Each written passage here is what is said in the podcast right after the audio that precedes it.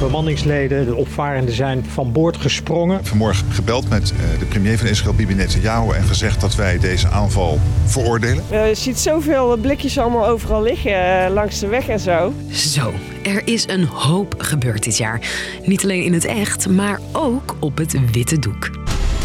Come on, Mario! Our big adventure begins now! One guy, one stupid guy who no one loves. Now you're just making it sad. De ene na de andere kaskraker vulde volle zalen. En ook de filmsterren zelf hebben er een spannend jaar op zitten. When do we want it? I am shocked by the way the people that we have been in business with are treating us. Gaan we volgend jaar nog iets merken van die Hollywood-stakingen? Ik ben Sophie en ik neem je mee naar de bios. Lang jaar kort. Een terug- en vooruitblik van NOS op 3 en 3FM. Welkom in onze eigen langjaarkort privébioscoop. Pak vooral popcorn. Zit je lekker? Nou, mooi. Oh, we hebben deze bios trouwens niet helemaal voor ons alleen. Ja, hi, goeiedag. Hi. Ja, Robert Blokland is filmjournalist en die is er ook bij. Hoeveel films heb jij eh, dit jaar gezien, Robert? Nou, dan denk ik dat ik wel de eh, 100, twee per week is mijn gemiddelde wel, denk ik. De perfecte persoon dus om het filmjaar mee door te nemen. Er draaide eigenlijk te veel om bij te houden, maar dikke kans dat je deze Hi Barbie. Hi Barbie. Hi Barbie. of deze film What do you want from theory alone? Zero would be nice. wel hebt gezien. Barbie en Oppenheimer. Of ja, Barbenheimer dus.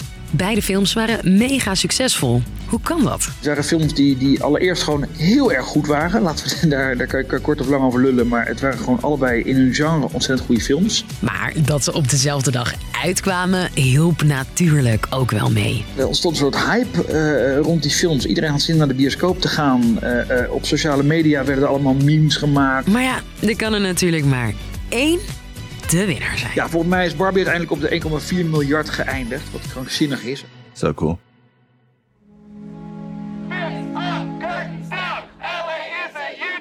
Maar het was niet alleen maar feest in Hollywood het afgelopen jaar. We're gonna keep striking until we get what we want. In mei klapten schrijvers hun laptops dicht en gingen ze de straat op. De verdeling van de winsten, eh, als je aan een film hebt meegewerkt, die waren niet goed geregeld. En niet alleen de schrijvers waren ontevreden. Ook acteurs eisten betere afspraken met streamingsdiensten en studio's. Over AI bijvoorbeeld. Door AI ehm, ehm, kan je bijvoorbeeld acteurs vervangen in films zonder dat ze meewerken. Je kan ook eh, eh, het gezicht van een acteur gebruiken als je eh, als studio zou willen.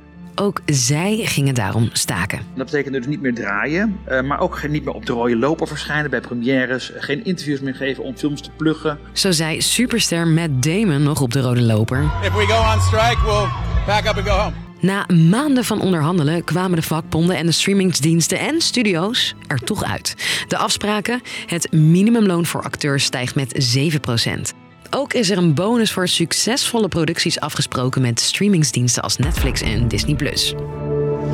En er zijn duidelijke afspraken over AI. Dat je niet zomaar een acteur kan vervangen of zomaar de beeldenis van een acteur kan gebruiken ehm, als hij daar geen toestemming voor gegeven heeft.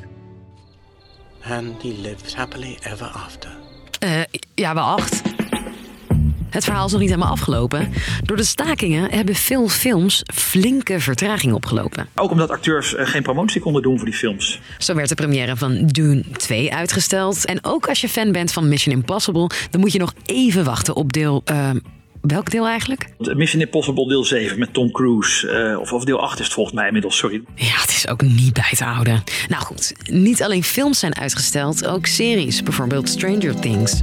En het nieuwe seizoen van The White Lotus.